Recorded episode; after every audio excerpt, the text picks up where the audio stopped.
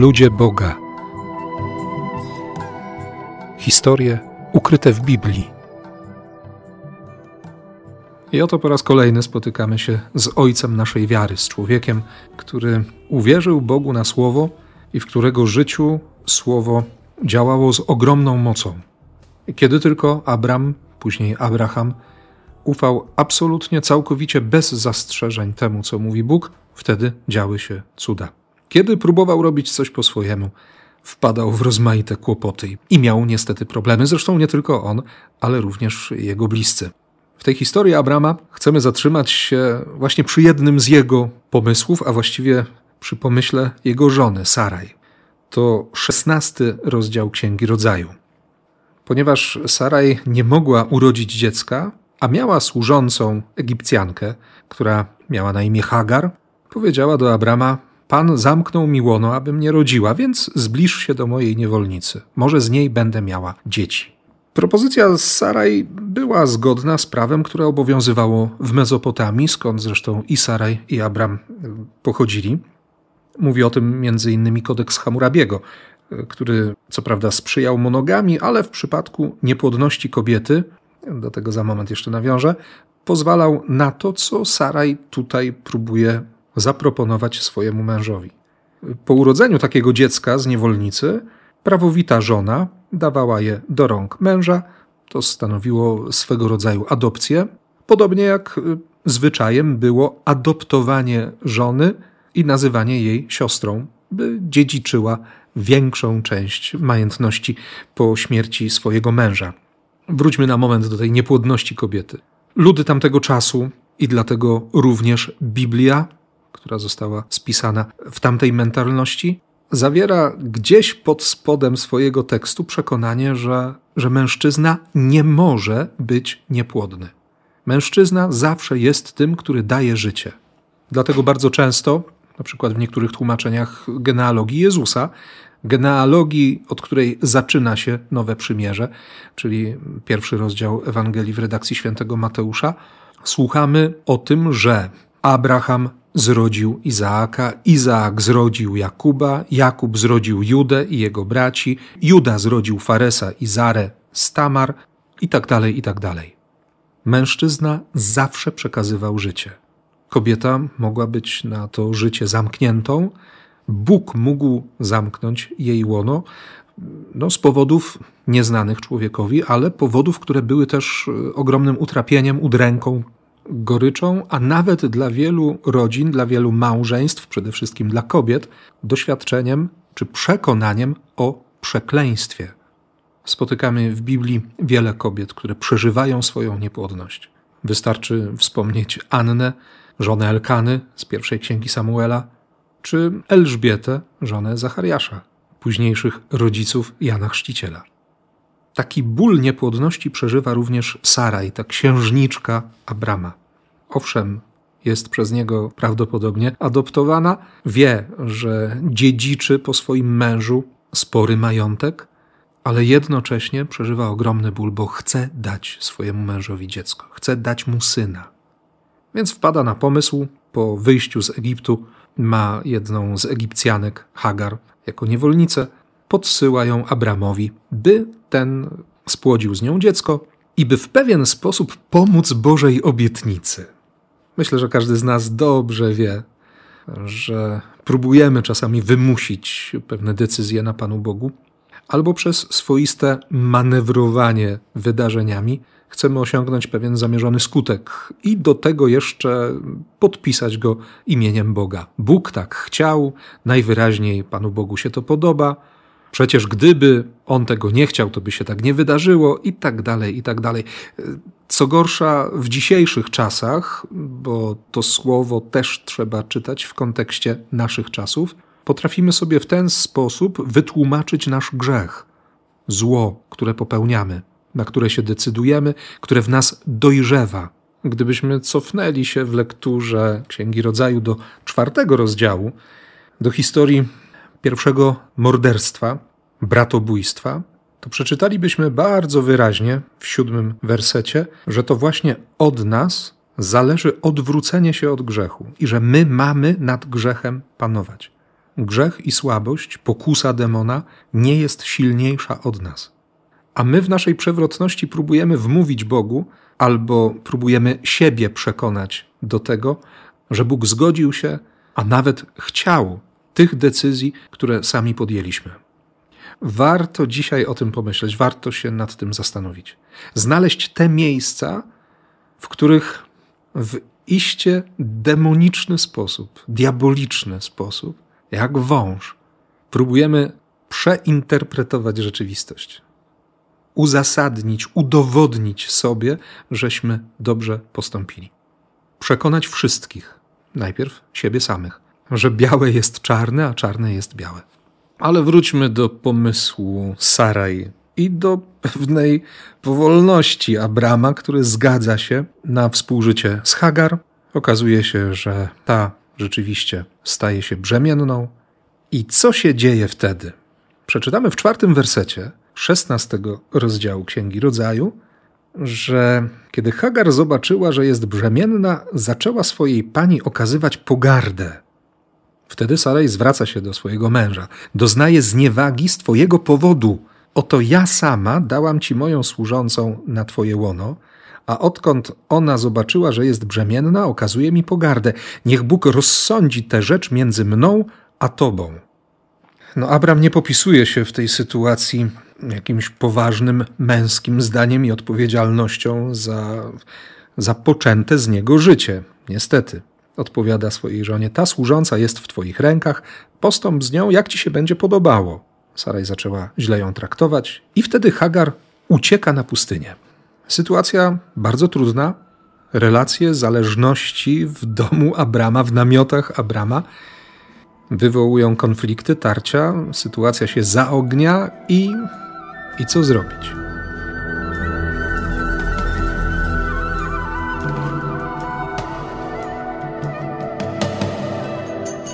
Dobrze jest sięgnąć do Targumu Neofiti, czyli do do pewnego wyjaśnienia, tłumaczenia z wyjaśnieniem Biblii. Y, może kilka słów też y, wyjaśnienia odnośnie Targumu. Czym są Targumy?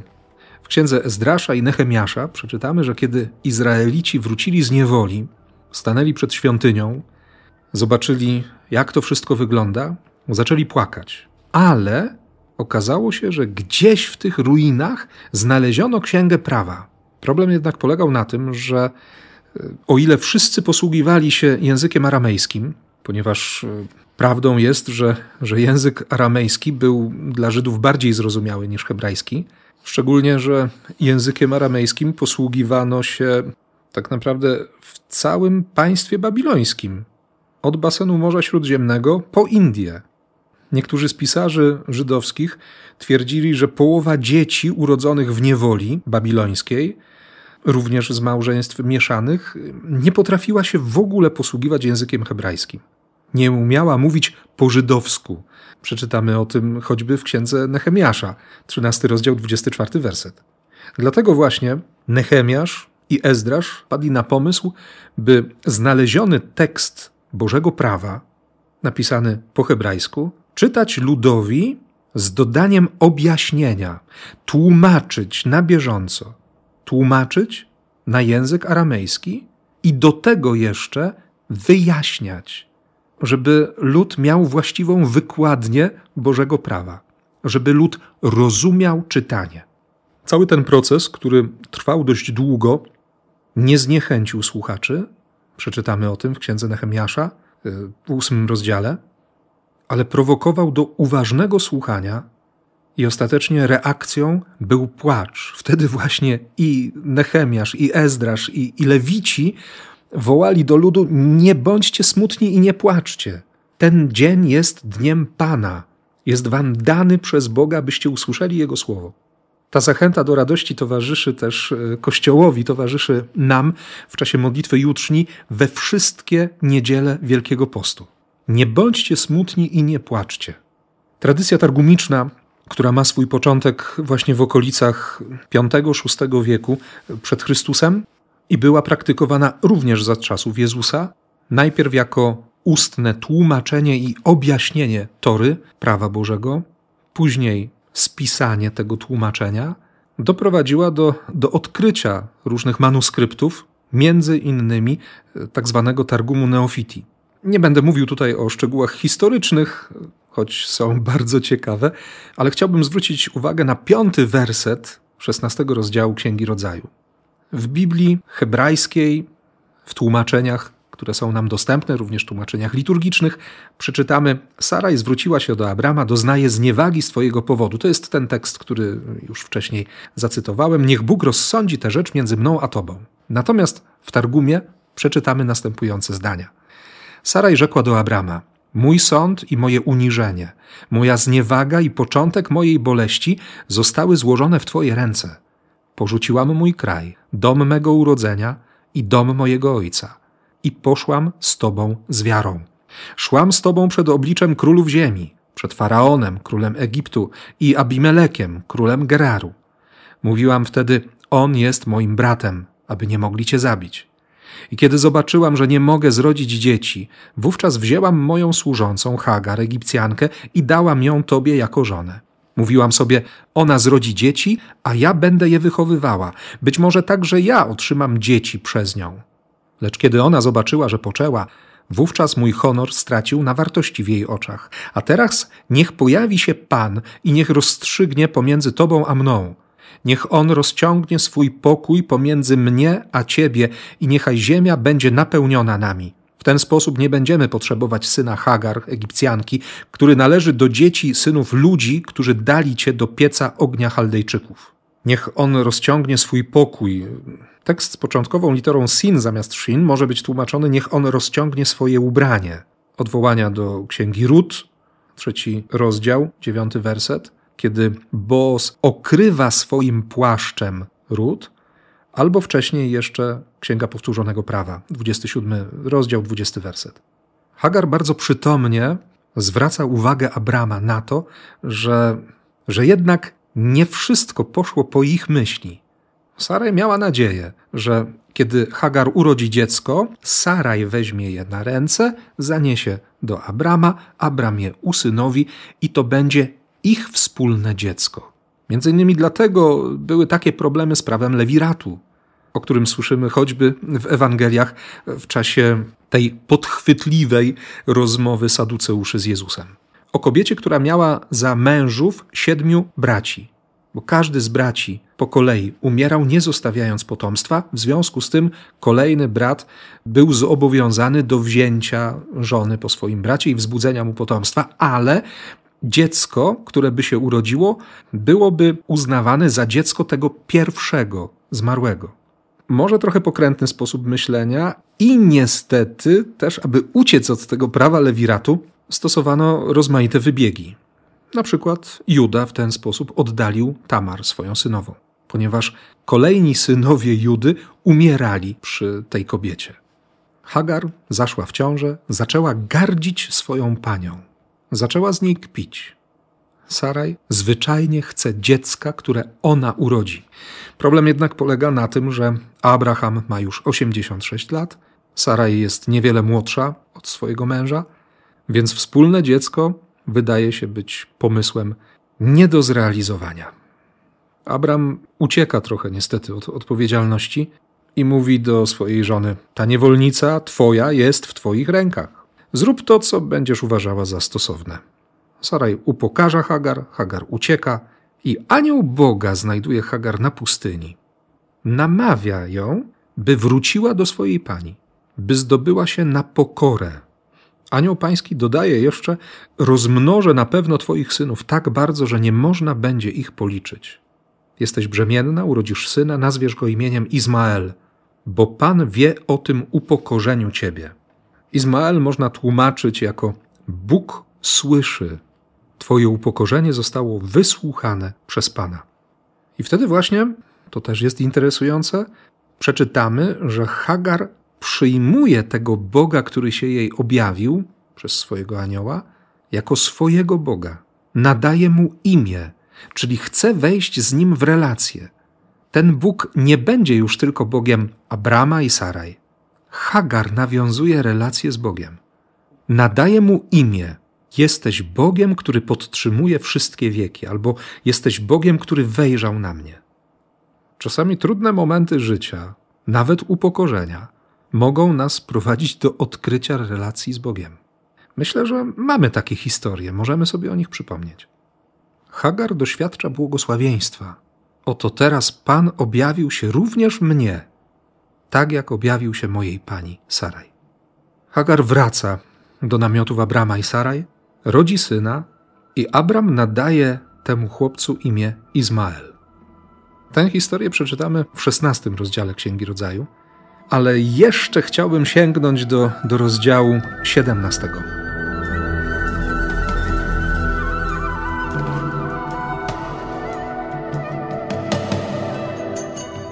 Abram ma 99 lat. Izmael jest trzynastolatkiem.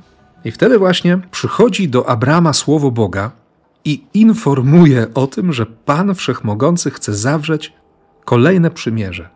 Ja jestem Twoim Bogiem. Dbaj o to, bym był z Ciebie zadowolony, sprawując się nienagannie, a ja zawrę przymierze między mną i Tobą i bardzo Cię rozmnożę.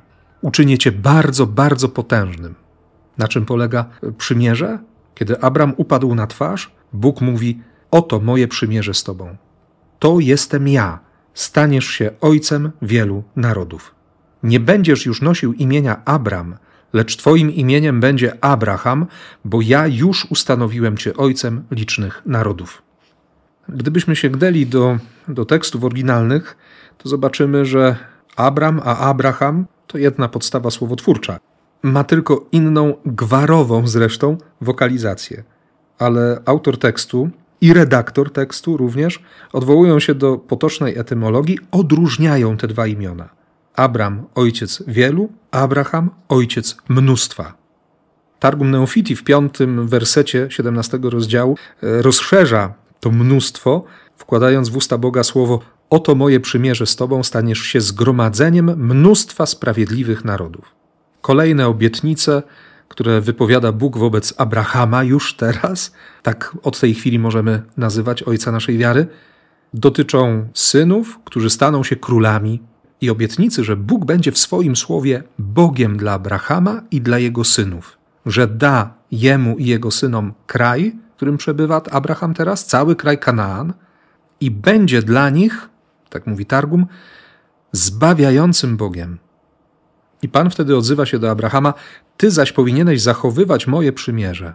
Przymierze między mną a wami i waszymi synami po was, które będziecie zachowywali, polega na tym, każdy mężczyzna wśród was będzie obrzezany. Znak na waszym ciele będzie przymierzem wiecznym. Bóg również wtedy odzywa się do Abrama, zmieniając imię jego żony, już nie Saraj, a Sara. Abram staje się Abrahamem, Saraj staje się Sarą. To małżeństwo zostaje podniesione do rangi królewskiej. Reakcja Abrahama? Po prostu niedowierzanie. Czyż człowiekowi stuletniemu mogą urodzić się synowie? Czy dziewięćdziesięcioletnia Sara może rodzić? I wtedy po raz pierwszy pojawia się imię dziecka obietnicy, syna obietnicy. Owszem, twoja żona Sara urodzi ci syna. Nazwiesz go imieniem Izaak, Ichak, uśmiech, roześmiany, radość. Różnie można tłumaczyć to imię, szczególnie w kontekście osiemnastego rozdziału Księgi Rodzaju, ale do tego wrócimy w następnym spotkaniu. Natomiast trzeba wspomnieć o tym, że, że Abraham dotrzymał słowa i dokonał obrzezania wszystkich mężczyzn w swoim obozie. Z czym wiąże się ten gest? Jakie ma znaczenie w pewnym sensie symboliczne? Oprócz racji higienicznych chodzi o coś więcej. Doświadczenie bólu, ósmy dzień po urodzeniu, młody chłopiec, noworodek zostaje obrzezany. Ten ból jest znakiem przymierza z Bogiem, czyli doświadczeniem bliskości Boga. Ma to bardzo konkretne konsekwencje w późniejszym życiu każdego mężczyzny izraelskiego, każdego obrzezanego z Izraelitów. Kiedy pojawia się jakieś cierpienie, kiedy pojawia się ból, kiedy pojawia się trudne doświadczenie, niezrozumiałe, kiedy pojawia się bezradność, jakaś bezsilność, obezwładnienie wewnętrzne, rozterka przyprawiająca o, o bezsenność. W każdym z tych wydarzeń, jakiekolwiek by ono nie było, Izraelita może powiedzieć: Nie jestem sam. W tym wydarzeniu jest Bóg. Pan jest obecny. On mnie nie zostawił. On jest wierny swojemu przymierzu, on jest wierny swojej obietnicy. My, co prawda, na podstawie orzeczenia pierwszego soboru chrześcijańskiego, soboru w Jerozolimie z czasów apostolskich, nie musimy mężczyzn poddawać obrzezaniu, ale szkoda, że, że jednak zapominamy o tym, że Bóg jest, że Bóg jest obecny w każdej chwili naszego życia, w każdym naszym doświadczeniu, w każdej trudności. Bóg nie zsyła nam cierpienia, ale jest z nami w każdym cierpieniu. I za to, między innymi, warto dzisiaj Bogu podziękować.